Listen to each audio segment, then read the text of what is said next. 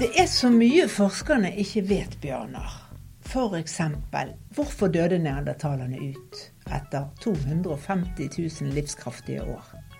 Eller er vi mennesker født til å klappe når vi syns at noen gjør noe bra?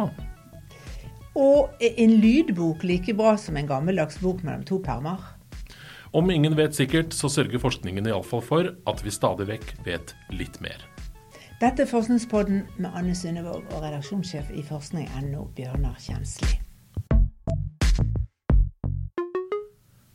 Hvorfor døde neandertalerne ut? Her fins det fortsatt ikke noe svar med to streker under, Anne. Nei, det vi vet er at de døde ut etter at det moderne mennesket vandret inn i Europa.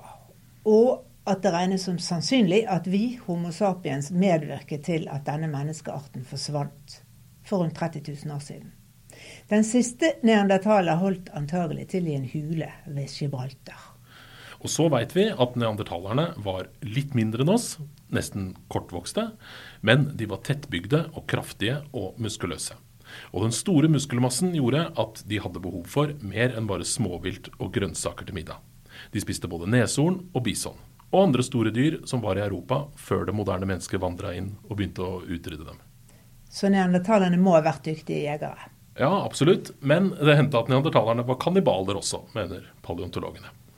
Og så var det det med hjernen, da. Neandertalerne var lavpannete. Men selve pannelappen ser ut til å ha vært omtrent like stor som vår. Ja, og denne lave pannen er noe av grunnen til at neandertalerne ofte har blitt framstilt som dumme og primitive huleboere. Men de kan ikke ha vært så dumme. De overlevde istider og tøffe klimatiske forhold, og de hadde avanserte redskaper. Bergkunst har de også drevet med, og de hadde noen anatomiske forutsetninger for å kunne snakke, mener forskerne. Og kanskje begravet i sine døde. Derom strides de lærde. Iallfall. Neandertalerne de holdt stand i Europa i hele 250 000 år, før de forsvant helt for rundt 30 000 år siden. Og det har vært nærliggende å tro at de ble utkonkurrert av oss, rett og slett fordi vi var smartere. Og det har ikke manglet på teorier om hva som skjedde den gangen. Noen forskere mener at de døde ut som følge av sykdommer som vi brakte med oss da vi kom inn i Europa. Sykdommer som neandertalerne ikke hadde noen immunitet mot, som tuberkulose, tyfus, kikhoste, hjernebetennelse, ja til og med forkjølelsesvirus.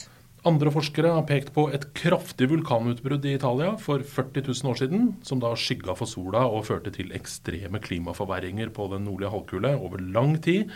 Og de mener da at dette kan ha vært begynnelsen på slutten for neandertalerne.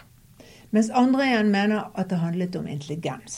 At vi var smartere og brukte vår intelligens til å utkonkurrere de gjennom krig f.eks. Eller også at disse kognitive forskjellene gjorde at neandertalerne ikke klarte å organisere seg og tilpasse seg like godt som oss.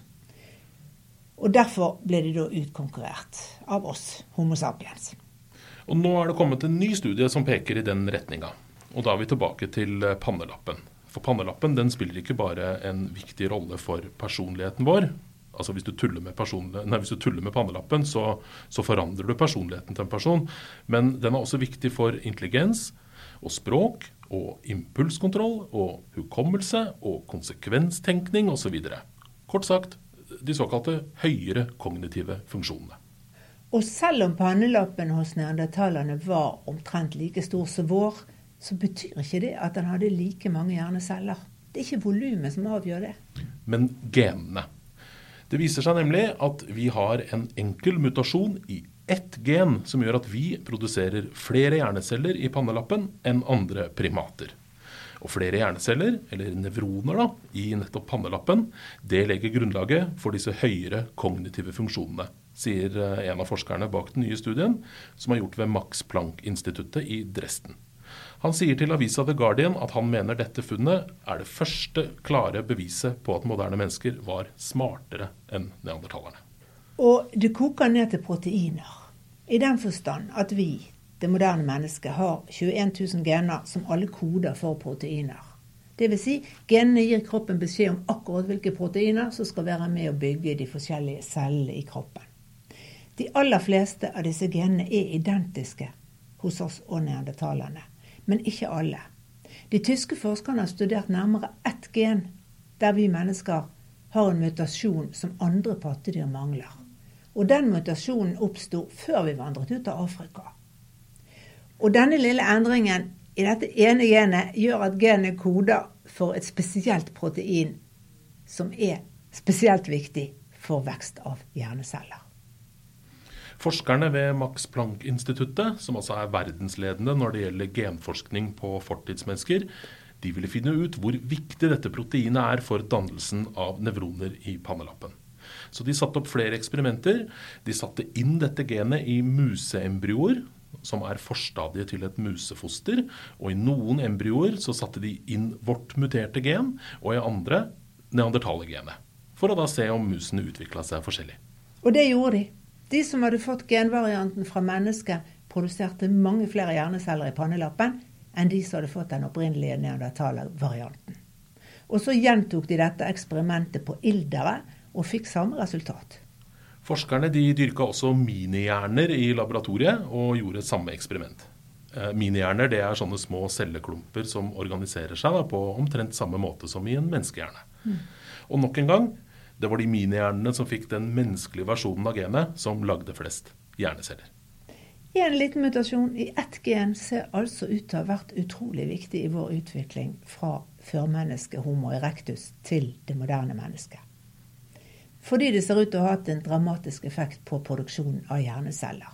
Det er fascinerende. Én mutasjon. Ja, og Så kan det også være flere mutasjoner da, som vi ikke har oppdaga ennå, som også bidrar til at menneskehjernen er mer avansert enn noen annen hjerne. Men vi har kanskje blitt litt klokere på hvorfor neandertalerne forsvant. Ja, Teorien om at dette har med intelligens å gjøre, er styrket. Lederen av denne studien, Wieland Hutner, heter han. Han sier i all beskjedenhet at denne genmutasjonen, som er eksklusiv for oss Homo sapiens, ikke bare bidrar til å styrke våre kognitive evner, den er noe av det som gjør oss til mennesker.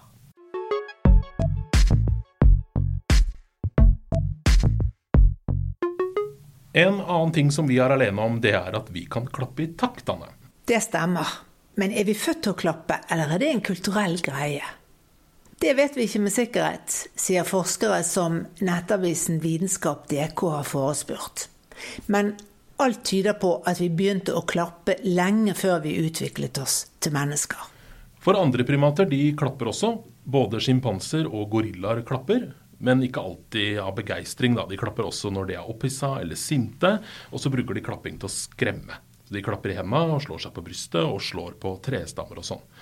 Og Forskerne de mener at måten vi klapper på, er en videreutvikling av måten sjimpanser klapper på. Men den store forskjellen er at hvis du tar med deg sjimpansen på konsert, så kan den gjerne klappe, men ikke synkront. Det er det bare vi mennesker som gjør. Og spiller du musikk for sjimpansen, så vil han kanskje også klappe, men ikke i samme rytme. Og de vil heller ikke bevege kroppen i takt med musikken. Nei, Så pardans det er vanskelig da, hvis du er sjimpanse? Ja, for hver og en har sin egen rytme. Og når sjimpansen klapper, er det for å skape høy lyd. Og gjerne for å få oppmerksomhet. Se på meg nå. Og for å markere status. Her er jeg. Respekter meg. Høye lyder er skremmende, så jo mer de bråker, jo mer fryktinngytende er de. Mens vi mennesker kan klappe av mange grunner. Vi klapper jo av begeistring, på teatret eller på Bislett, når vi vil anerkjenne en prestasjon på litt avstand. Ja, og på nært hold så kan vi klappe noen anerkjennende på skulderen. Men vi klapper også noen ganger fordi vi syns vi må. Selv om talen ikke var særlig god, så klapper vi uansett. For det er jo det man gjør. Det er normen. God folkeskikk. Ja, og Så går det an å klappe ironisk eller sarkastisk også, og da er det gjerne sånn overdrevent treig klapping. Litt sånn, ja. Da var det ikke så veldig bra. Og så klapper vi for å tiltrekke oss oppmerksomhet. Kan alle høre? Da bruker vi klapping på en måte som minner om det sjimpansen driver med. Vi lager høy lyd for å tiltrekke oss andres oppmerksomhet. Men er vi født sånn? Altså, Er vi født til å klappe?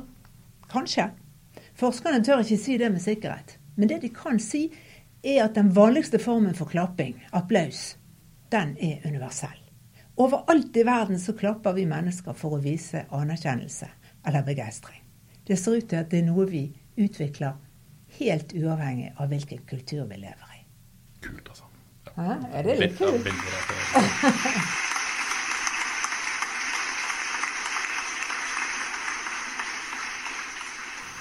Er det like bra å høre på en lydbok som det er å lese boka? Altså Får vi like mye ut av en bok på øret som vi får når vi leser den? Det er også noe som det forskes på, Anne. Ja, for lydbøker blir jo mer og mer populært. Og dette her har jo vært diskutert og debattert. Er nå lydboken like bra som den gamle boken mellom to permer? Og det er gjort flere studier som ser på akkurat dette. På hva som skjer i hjernen når vi leser, og hva som skjer når vi lytter til en tekst. I en amerikansk studie så ble seks menn og tre kvinner plassert i en MR-maskin som tok bilder av hjernen deres mens de leste en tekst, og deretter mens de lyttet på teksten. Og forskerne de blei overraska, for de hadde forventa at det skulle være en god del hjerneaktivitet som var den samme, enten du lytta til eller leste en tekst. Men faktum er at MR-bildene viser at det er omtrent nøyaktig de samme områdene i hjernen som aktiveres når du lytter som når du leser. Noe som fikk en kommentator i den britiske avisa The Telegraph til å bemerke at den innstillingen mange har om at lydbøker ikke er like bra som papirbøker, den er grunnløs og bare snobbete. For det er mye skepsis til lydbøkene, kanskje særlig i litterære kretser. Noen har ment at det er litt fusk å bruke lydbøker, og at lydbøker ikke er bra for litteraturen. Men det finnes altså ikke holdepunkter i denne forskningen for å si det. Den gode fortellinga oppsto jo rundt leirbålet, der vi satt og lytta til hverandre. Og det tok titusener av år før vi begynte å skrive ned fortellingene og lese dem for hverandre. Og det morsomme er at forskerne har funnet ut at vårt auditive og visuelle korttidsminne er akkurat like langt. Altså rundt 2,7 sekunder. Så det vil si at du som hører på dette her nå, vil kunne huske ord for ord hva som blir sagt i setninger som varer opptil tre sekunder. Etter det så kan du huske innholdet, og forhåpentligvis så gjør du det, da, men du husker ikke ordrekkefølgen eller hvilke grammatiske former som ble brukt. Og akkurat det samme ser ut til å skje når vi leser inni oss. Det er et tidsvindu på to-tre sekunder tilbake der vi husker akkurat hva vi har lest, men ikke lenger. Litteraturviteren Alexandra Borg ved universitetet, ved universitetet i Uppsala hun har forsket på hvordan digitaliseringen påvirker skriftkulturen. Og hun sier også at forskjellen ligger på det tekniske nivået, ikke det kognitive. Det er ingen forskjell på hvor godt du oppfatter og forstår en tekst om du leser eller lytter til den. Forestillingen om at de som sverger til lydbøker får mindre utbytte av det de leser, er merkelig, mener hun, og ikke så lite forulempende for de som bruker ørene istedenfor øynene. Ja, så kan du si at I en lydbok så kan du ikke bruke kursiv, og du kan heller ikke bruke store bokstaver for å understreke nøkkelord i teksten f.eks. Men til gjengjeld så kan jo oppleseren bruke stemmeleie og volum og pauser og trykk til å understreke poenger i teksten. Så Alexandra Borg syns det er en bra ting at lydbøkene er blitt så populære, sier hun.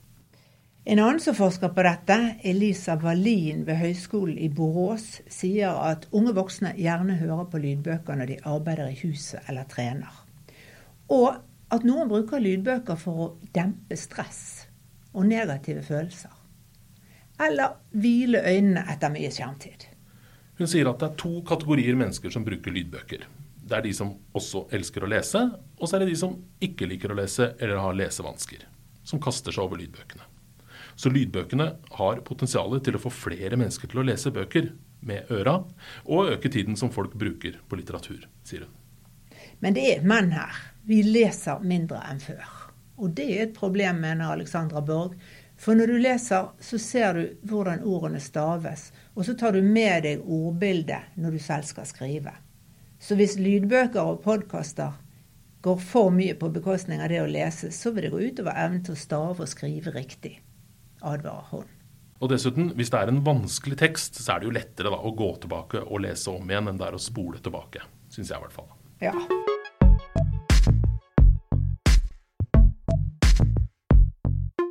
Til slutt, Anne. I forrige forskningspod så kunne vi melde at hårtap var et av de vanligste symptomene på long covid. Håret kan begynne å tynnes lenge etter at du har vært syk, opptil et halvt år etterpå faktisk. Så det var mange som ikke ville forbinde dette hårtapet med covid heller. Men det vi ikke sa noe om, var om hårtapet er for evig og alltid. Eller bare midlertidig. Og nå kan vi berolige de av dere som har opplevd at det blir mye hår i sluket i dusjen etter gjennomgått covid-19. Det går over. Ja, Håret det vokser tilbake mellom 6 og tolv måneder etter, at du har blitt syk, sier en dermatolog som har spesialisert seg på hårtapp til avisa Washington Post. Men dette her er jo merkelig greie likevel. Hvorfor skulle korona føre til hårtap, veit vi det? Det er ikke viruset sin skyld denne gangen. Viruset i seg selv påvirker ikke hårveksten. Men det stresset som kroppen blir påført når du får feber og blir syk, kan føre til at du mister hår, forklarer hudlegen. For når kroppen bruker alle ressurser på å bekjempe virusinfeksjonen, så kan han gi blaffen i å gi næring til hårsekkene. Men når så stresset avtar, så begynner hårsekkene å produsere hår igjen. Så det går over. Ja, og Så finnes det også reseptfrie legemidler på apoteket som kan hjelpe hårveksten din.